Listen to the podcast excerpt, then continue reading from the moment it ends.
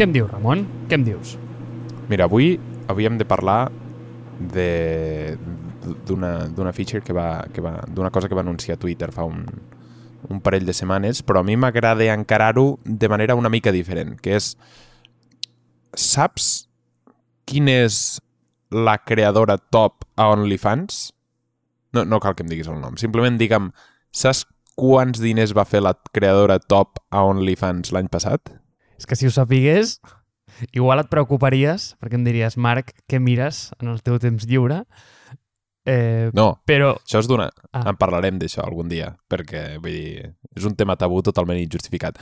Uh, al mes, al mes, no l'any, al No. mes. no en tinc o sigui, absolutament ni idea, però eh, so- sobre el tema tabú injustificat estic d'acord, eh? O sigui, és una, és una plataforma, i, i t'ho t'ho he dit en broma, eh? És una plataforma que va començar així i se li ha quedat l'etiqueteta i, i com de difícil passa a ser moure't com del teu espai una vegada ja s'ha etiquetat com a tal, eh? És, és, un, és, és, un, és un tema en si mateix que no tocarem ara mateix, eh? Però és interessant. Mira, la, la creadora top de contingut es diu Black China. És, és, una, és, una persona, és una personalitat de tele, etc etc. Ahà. Diuen que fa uns 20 milions de dòlars al mes. Vale, eh? 20 milions de dòlars al mes. A 20 dòlars al mes mm, de subscriptors, té uns 16 milions de subscriptors, fa una mica més per aquests números de seguidors, però uns 20 milions de dòlars al mes. Tranquil·leta. Llavors, Sí. Patreon és, podríem dir, com a l'equivalent a OnlyFans, però safe for work. Tot i que Patreon es vol ficar a fer com OnlyFans, però bàsicament s'assembla bastant perquè tu pots fer el, el mecenatge cap a una persona que, que, del que tu aprecies el contingut, etc etc. Tot i que OnlyFans és una mica di més diferent, però tu saps quan és la persona que fa més diners a Patreon? Més o menys. Ai, Ramon, és que d'això en vam parlar en, una, en un capítol fa molt temps ja, però és que n'hem fet tants ja que se m'obliden les coses. Però que, aquest cuit crec que te la vaig fer jo a tu, però ara no ho recordo, ara no ho recordo. Només sé que està extremadament esbiaixat eh, cap a uns pocs creadors, però no recordo exactament quin, quin és el número, però deu estar també en els milions, eh? No. Aquesta és la cosa. Que no. Uau! el Patreon a- el, es diu, no se sap ben bé, eh, però es diu que el top creador de Patreon fa uns 100.000 dòlars al mes. M'ho estàs dient en sèrio? O sigui, i aquesta, aquesta noia, eh, Black China, m'has dit que es diu una cosa així? No, sí. Eh, uau, sí, el, el nom és divertit, eh, també. Eh, es, fa, es treu 20 milions de dòlars al mes. Exacte. bueno, diversos motius. Uh, un, un dels motius perquè Patreon... És a dir, Patreon té diferents, diferents escales de suport i tu, eh, vull dir, està, està modelat bàsicament a, a Kickstarter, no? Tu, tu vols començar alguna cosa, llavors tens diferents escales per així poder parlar a tothom. El segon, la segona cosa, però, és que Patreon, tot i tenir un punt de comunitat, eh, té aquest punt de que tu crees el contingut fora i la gent et vol apoyar, és a dir, és, és un sistema més d'apoyar i un sistema més de mecenatge, de m'agrada el que feu, per tant, eh, us ajudo. En canvi, OnlyFans és totalment exclusiu i és una xarxa social on tu només veus el contingut aquell que s'està penjant. És a dir, no, no fas contingut a Pornhub i després el penges a OnlyFans, sinó que fas contingut a OnlyFans, a Patreon pots fer contingut a YouTube, però després el penges a, a Patreon. Llavors és una manera més de... La Sotana fa un model bastant, bastant exitós d'això. La Sotana guanya uns 6.000 euros al mes i, i fa un, un model bastant exitós d'això, de fer Twitch i de fer YouTube a fora i després ho penja als Patreons. I sí que és veritat que tu interactues de manera escrita amb els Patreons, però no tan directament. I a part, bueno, és... Sí, sí. Es diu que el, la, la persona que en guanyi més té uns 21.400 Patreons. Hi ha, hi ha diferents uh, diferent, diferents llistes i hi ha gent que et diu que hi ha una que té 36.000 Patreons, per tant que guanyaria una mica més, però no té el, el nivell que té OnlyFans. Ni molt menys. Ni molt menys. Doncs escolta, entrem en matèria, perquè em tens expectant, eh? Perquè generalment el Ramon i jo compartim unes notes on ell m'explica el que vol parlar. Llavors jo ja afegeixo la meva recerca. Però en aquesta ocasió, per algun motiu no ho ha fet. Només tinc un parell de, de preguntes més sobre això, que és perquè OnlyFans em va apassionar a mi quan vaig sentir això, que és, saps d'on és OnlyFans? No en tinc ni idea. OnlyFans és anglès, és d'Anglaterra. Uh -huh. I l'altra cosa que em sembla rellevant per entrar en matèria és saps quants minuts es pengen de contingut cada minut a YouTube? Només a YouTube. Quants minuts de contingut es pengen a cada minut? És la típica mètrica que et diuen i, i, i, i se, se t'oblida perquè és, o sigui, escapa a la teva, eh, a la teva percepció. O sigui, a la teva capacitat de, de, de, de retenir. 30.000 minuts de contingut al minut. Diu, que difícil és ser un completionist a la vida, eh? Quan tens aquestes no. coses. Sí, no? Llavors, clar, aquest és un tema super interessant perquè és a dir, parlem de, dels superfollows específicament a, a Twitter, però a mi m'agrada més el nom de superfollows que el concepte de superfollows a Twitter, tot i que Twitter realment pot ser una plataforma una mica per tots, tot i que ja en parlarem de, del concepte de Twitter. Però parlem de com un creador, un creador de contingut, se n'aprofita d'una un, plataforma per fer el seu propi vertical i llavors, per comptes de tu estar pendent de la monetització de la plataforma, com YouTube, tu monetitzes directament el teu contingut. Llavors parlem de OnlyFans, parlem de Superfollows, parlem de Patreon, parlem de totes aquestes plataformes que et deixen crear contingut i parlar directament amb els usuaris. Llavors, normalment, com he dit, no? el, el, els creadors estan una mica a la mercè de, de, de, de la gent o de, o de la gent que crea plataformes. Per exemple, ara Instagram vol fer molt foco a vídeo. Per tant, els creadors hauran d'estar Eh, pendents del que fa Instagram per tal de poder-se adaptar. A OnlyFans no. A OnlyFans tu simplement et crees la teva marca i una vegada t'has creat la teva marca la pots, eh, la, la, la pots monetitzar de la manera que vulguis. I aquesta, aquest és el punt que em sembla clau. És el que hem parlat amb Substack, és el que hem parlat amb totes aquestes empreses. D'acord. Abans d'entrar abans d'entrar al, al, al Superfollows, només deixa'm, deixa'm tocar una cosa referent al context, perquè a mi m'agrada molt el, el cicle per al que ha passat internet, si tu el mires a nivell macro, M'agrada perquè al principi no hi havia ni, ni creadors ni plataforma. Llavors es comença amb un tot és gratis. Tot és gratuït, no hi ha, re, no, no hi ha res d'anuncis. Si mireu la, la pel·lícula Social Network és això, no? Facebook encara no sap el que, el que Facebook és, per tant ho fica tot gratuït. Llavors després comencen a haver-hi creadors a la plataforma i gent, eh, personalitats de tele, etc. I la plataforma necessita una manera de sostindre's, a part, perquè vull dir, necessita ficar calés per, per als servidors, 30.000 eh, minuts de contingut al minut. I llavors es diu, hòstia, doncs començarem a ficar anuncis perquè volem que els creadors vinguin i volem atreure creadors al principi. Pam, es fa el model freemium i aquest és el segon model. I llavors, ara, els creadors són més potents que la plataforma i es veu que poden moure audiències, tot i que jo això ho, eh, ho qüestiono, perquè mira Ninja amb Mixer, que Mixer va haver de tancar, o mira Joe Rogan amb Spotify, la gent va a YouTube, escolta a, a Joe Rogan, o va a Spotify i després se'n va al seu d'allò de podcast, perquè el, el, de, el de Spotify és un drama, i, i, i ara que està al tot i així, ara que està al mercat madur, es fa monetització directa a la persona. Llavors jo penso que això és interessant i ho vull tocar amb això perquè és hòstia, quan tot es torna de pagament, primer res és de pagament i llavors comencen a existir els bundles. És a dir, com fas que tu puguis mirar, és igual, pornografia o puguis mirar coses de Patreon o tu puguis mirar uh, uh, se, puguis seguir a gent a Twitter sense que tot sigui de pagament. Bueno, ja en parlarem. Llavors, la cosa que em sembla interessant de Twitter és que Twitter afegeix una, una feature que es diu Super Follows, que bàsicament el que fa és si tu vols seguir a un compte i vols veure contingut exclusiu d'aquell compte, tu podràs apoyar aquell compte pagant un, un tant al mes. I el creador ficarà el tant, el tant al mes que és, uns 5 dòlars, 6 dòlars, 10 dòlars, 20 dòlars, el que sigui. Llavors tu pa podràs pagar directament i tu tindràs el teu perfil eh, que apoyes en aquell, en aquell usuari i podràs veure tot el seu contingut exclusiu. I a part hi haurà el contingut gratuït de Twitter. Llavors, es creen, és a dir, el feed es separa amb dos i hi ha el contingut exclusiu que només tu pots veure perquè apoyes a certs creadors i hi ha el contingut gratuït. Llavors, el que, el que a mi em sembla interessant d'això són dues coses. Una és que Twitter està, bàsicament, apostant al seu model a, és a dir, el seu model d'ads i el seu model um, de, de, de plataforma a això, i dos, com conviuran aquestes dues realitats. Per què? Bueno, perquè si... És a dir, això és una balança entre contingut gratuït i contingut exclusiu i que els dos siguin de qualitat, com medium.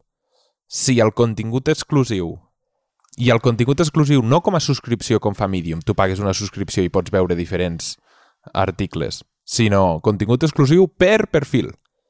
Si el contingut exclusiu es torna més interessant que el contingut gratuït, Twitter es torna una plataforma com OnlyFans i Twitter deixa de ser rellevant. Perquè llavors Twitter et costa quan? 50 dòlars al mes per llegir 4 tuits de 4 persones? Llavors, la cosa que em sembla a mi interessant, o sigui, per part de Twitter em sembla molt bo perquè per comptes de tu haver de monetitzar el teu contingut a una altra plataforma podràs penjar els teus vídeos i les teves, fot eh, les teves fotos i, les, i el teu procés a dins de Twitter directament. El problema és que això, per l'usuari que no ho vol fer, crea una plataforma que està esbiaixada cap a un costat o cap a un altre. I llavors haurem de veure Twitter què té més interès. Té més interès per seguir el model freemium o per seguir el model més específic de creador per creador. I aquesta és, el, és la part que a mi em sembla que, que, que a mi em sembla que hi ha una fricció aquí. És a dir, per part de Twitter em sembla molt interessant perquè tindrà totes les teves targetes de crèdit uh, uh, guardades, etc. I això és una cosa que molta gent no sap, que és moltes de les cancel·lacions o molts dels pedidos que, que es fan i no es poden acabar fent, o moltes de les cancel·lacions de subscripció, etc, són que targetes de crèdit que es cancel·len. No gent que cancel·la alguna cosa. La gent no té control sobre els seus calés. I aquesta Bueno, aquesta dicotomia és la dicotomia de, dels superfollows. Què opines tu? Tio, que man, aquest capítol té més potencial del que pensava. O sigui, mira, ens sembla interessant per dues coses diferents, però arribem en el mateix lloc. I t'explico. Tu molt bé has explicat aquest arc històric d'internet, no? Llavors, això on et porta? És que tens plataformes que van començar sent, com tu bé dius, gratuïtes i suportades per anuncis, on elles prescrivien el contingut perquè eren les que curaven l'algoritme.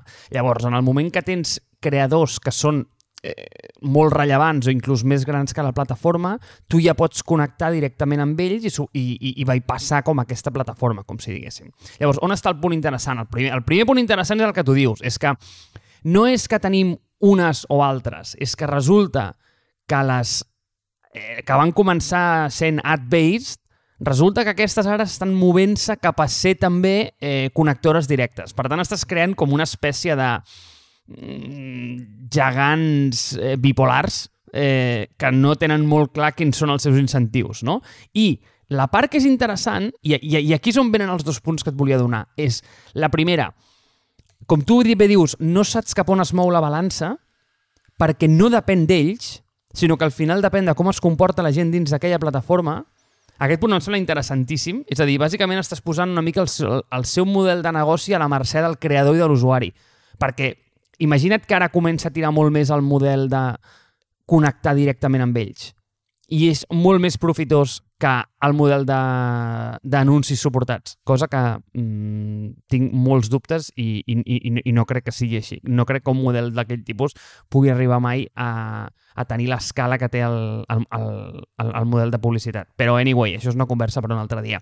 La cosa que em sembla molt interessant, Ramon, la cosa que em sembla molt interessant, a part de que, com bé diem, eh, tenim aquests productes que són eminentment gratuïts i, i, i que es beneficien de l'escala, eh, entren a monetitzar directament amb, amb micropagaments, per tant els tens com super desalineats.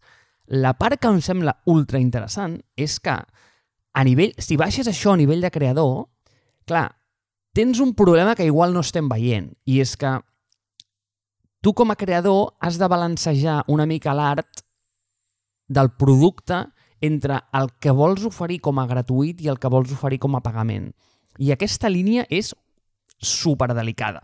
És a dir, de quina manera tu aconsegueixes tenir anem a dir, una línia de producte suficientment atractiva i pensa que ets una sola persona gestionant allò, és a dir, no ets eh, el New York Times, entre té, et t'ofereixo això, que és producte gratuït, que té un, un, un anem a dir, com tio, com una espècie de, de base d'usuaris molt diferent, que no paga, que és molt més gran i que igual té menys atenció i que no li importes tant.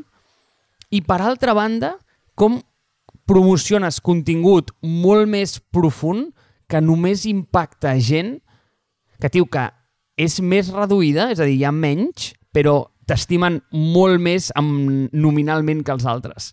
És molt interessant això, eh? perquè això són... Eh, o sigui, bàsicament, és el problema amb el que s'han topat grans publicacions com Wired, com, com New York Times, que han mogut el seu model a un model de subscripció, quan abans eren eminentment gratuïtes i basades en publicitat, i els hi ha costat moltíssim moure's cap allà. M'agradarà veure com una persona sola ho pot fer això. És molt interessant, eh? Però això és el que et dic, no és una persona sola, aquest és el problema. És a dir, tu com a consum... és a dir, la gràcia de Twitter és que tu com a consumidor de Twitter o tu com a consumidor de vídeos o tu com a consumidor de notícies fins i tot. Imagina't, imagina't que dins del New York Times haguessis de pagar a cada escriptor el Malcolm Gladwell fa articles, el Mal de fa articles, que tu hi hagués articles que fossin gratuïts i hi hagués articles que no fossin gratuïts i que ho haguessis de fer a creador per creador. És a dir, tu no pagues una subscripció per Twitter per tenir tot el contingut exclusiu i d'aquí... És a dir, no és un model com Spotify.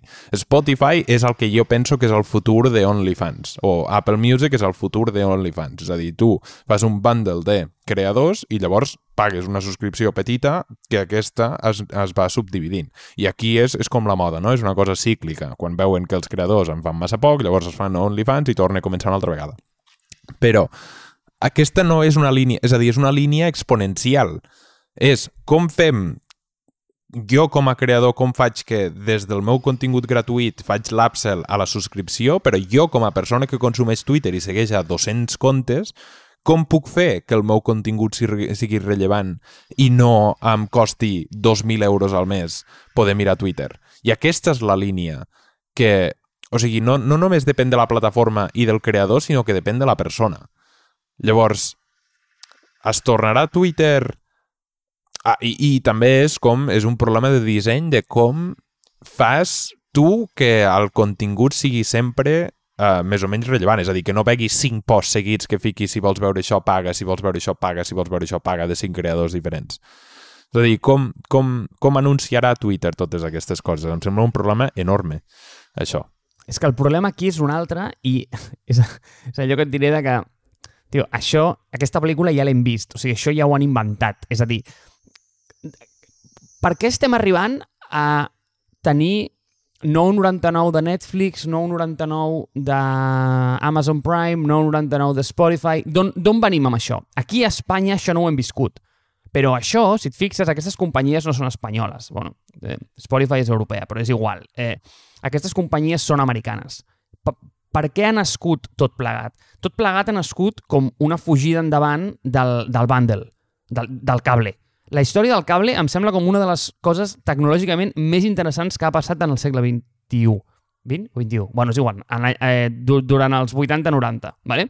on bàsicament el, el que s'ha aconseguit és que tu pots veure eh, ESPN, Disney, el National Geographic i tot junt a un preu molt reduït a través d'un proveïdor perquè al Ramon li, li agrada més mm, el disseny i al Marc li agrada més eh, la història. Llavors, com que anem a dir, el meu interès per un és 10 eh, i per l'altre és 5 i, en el, i el meu és 10 i pel teu altre és 2, pues, eh, això fa, fa com un average out i tu mm, et pots permetre posicionar això en un preu més baix. ¿vale? Llavors, la fugida endavant del cable van ser aquestes companyies i van dir, mira, tio, o sigui, treu-te del bundle si realment no t'interessa eh, tenir tota aquesta carta, només subscriu-te a Netflix i te n'hi pagues el 99. Però quina és el, la conseqüència d'això? És que quan et comença a interessar tot el que t'estan oferint, ara estàs subscrit a Disney+, Plus, a The Zone, a Netflix, i al final que acabes aconseguint? Acabes atomitzant el cable i l'acabes mm, agregant una altra vegada. Llavors tornes a estar en el mateix problema. El, el problema és que ara estàs en aquest punt. Llavors, quina és la fugida endavant d'això? Pues és, és el dir, vale, de, de quina manera tu com a Twitter pots aconseguir que pagant... O sigui, qui té aquest problema ara? Substack, per exemple, dintre de la plataforma. Tu, doncs, aquest problema que m'has descrit de, hòstia, estic seguint a 27 creadors i estic pagant 200 mm, euros cada mes per, per suportar creadors, si Substack ofereix, com anem a dir, el model de Medium, i dius, eh, mira, doncs tu paga 9,99 i te'ls oferim a tots. Això és un bundle, és el que està fent Spotify. Però jo el que et dic és que hi ha un punt com per sobre d'això, que és, sí, sí, sí, però és que amb Substack només estàs solventant el problema de les newsletters. Si després vols eh, temes de creadors, mm, per àudio te n'has d'anar als podcasts d'Apple i has de pagar mm, 5,99 o el que sigui a cada un d'ells. Llavors hi haurà un punt en el que Apple et dirà, vale, vinga, doncs te'ls agrego tots. Però sempre eh, és, és... Mira, no sé si recordes, eh, tenim un capítol, el 28, que es diu Gelat de ceba, que parlem exactament d'això que és com, com les coses es van desempaquetant a poc a poc fins que es tornen a empaquetar. I això, aquesta és la mítica frase d'internet, és un procés com d'empaquetar i de desempaquetar.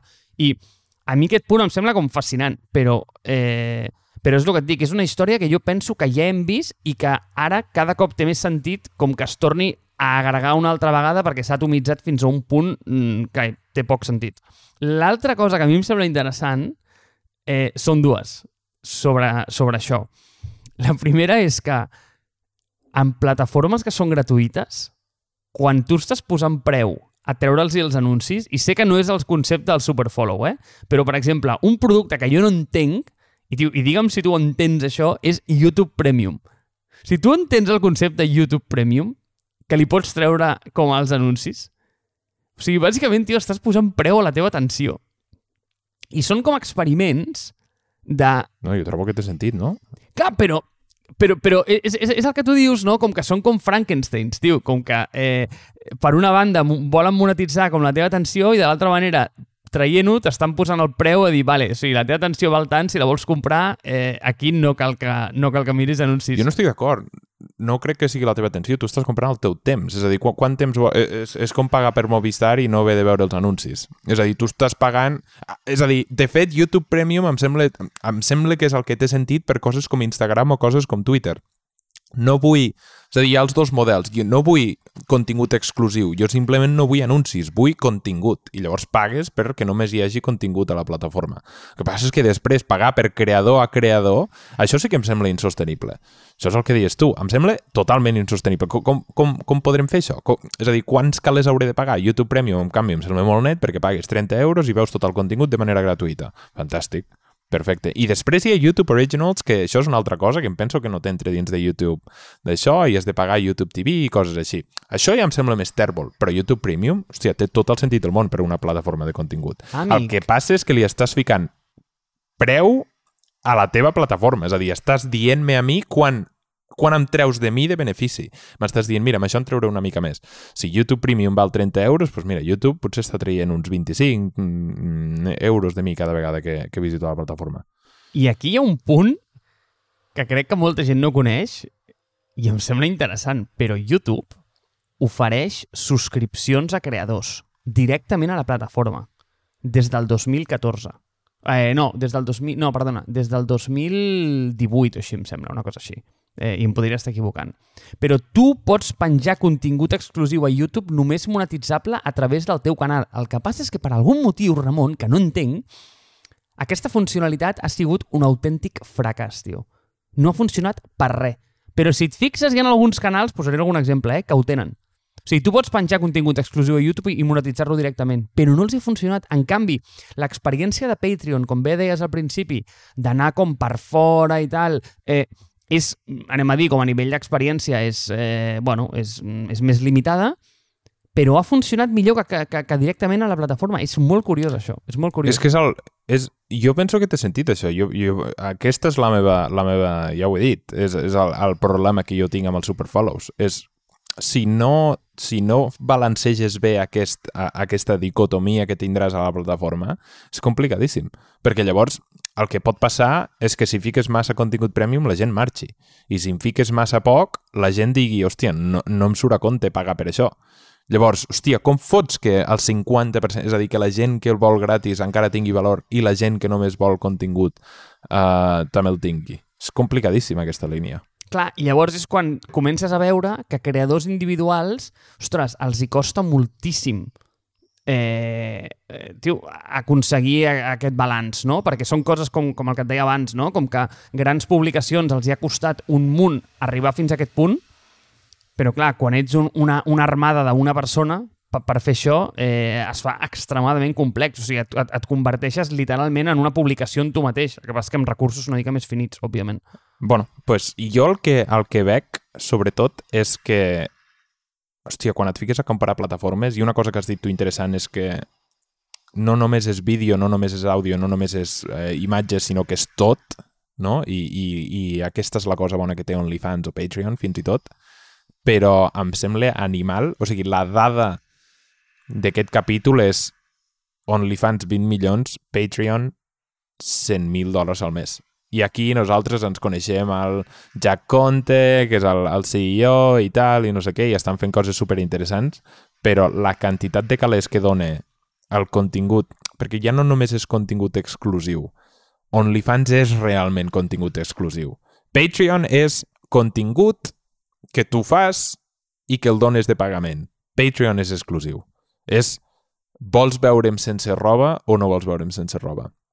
I això és exclusivitat. Exclusivitat no és vols veure aquesta nova música abans de que la vegui ningú. És a dir, si, si, si fas el framing així, d'acord, però si no, no. És a dir, la sotana és contingut exclusiu? Bueno, al final surt el dimarts, si no surt el, el dilluns i ho veus, i ho veus d'allò. Però allà, qui pot veure'm a mi sense roba? O és igual, eh? Vull dir, hi ha gent que no només fa roba, sinó que és contingut directe. I a part, hi ha molta més connexió amb, amb la persona que t'està fent perquè és una comunitat on la gent està pagant només per tu. Però 20 milions per veure a una persona probablement ni, ni despullada, pseudo despullada. Em Com? sembla... Quan Brutal. pagaries tu, Ramon, per veure el Messi en pilotes?